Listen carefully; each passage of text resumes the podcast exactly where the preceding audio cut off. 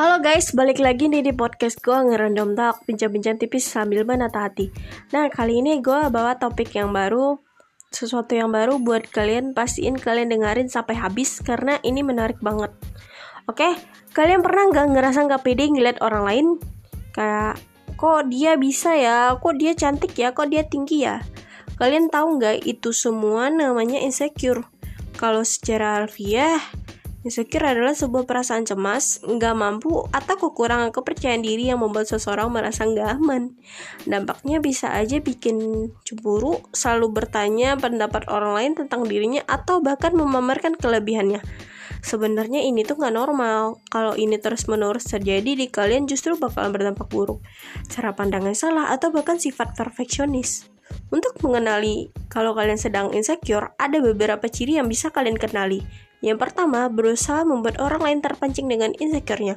Yang kedua, pamer secara nggak langsung. Yang ketiga, selalu ngomongin pencapaian yang telah diraih. Yang keempat, selalu nyalahin dirinya pas suatu hal tidak berjalan dengan baik. Yang kelima, kurang percaya diri pada orang lain.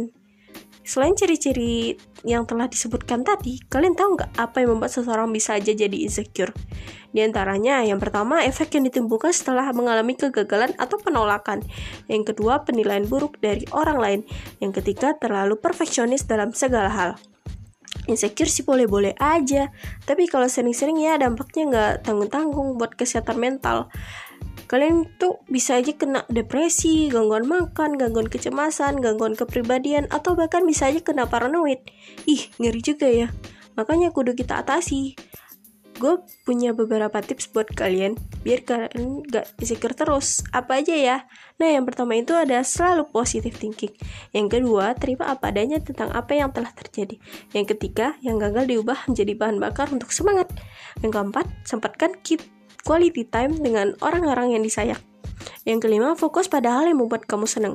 Ingatlah, ini semua memang kemudian, tapi jika dilakukan dengan baik dan sungguh-sungguh serta sabar, kamu pasti bisa kok. Semangat ya guys, segitu dulu dari gua. Sampai ketemu di episode selanjutnya. Bye bye.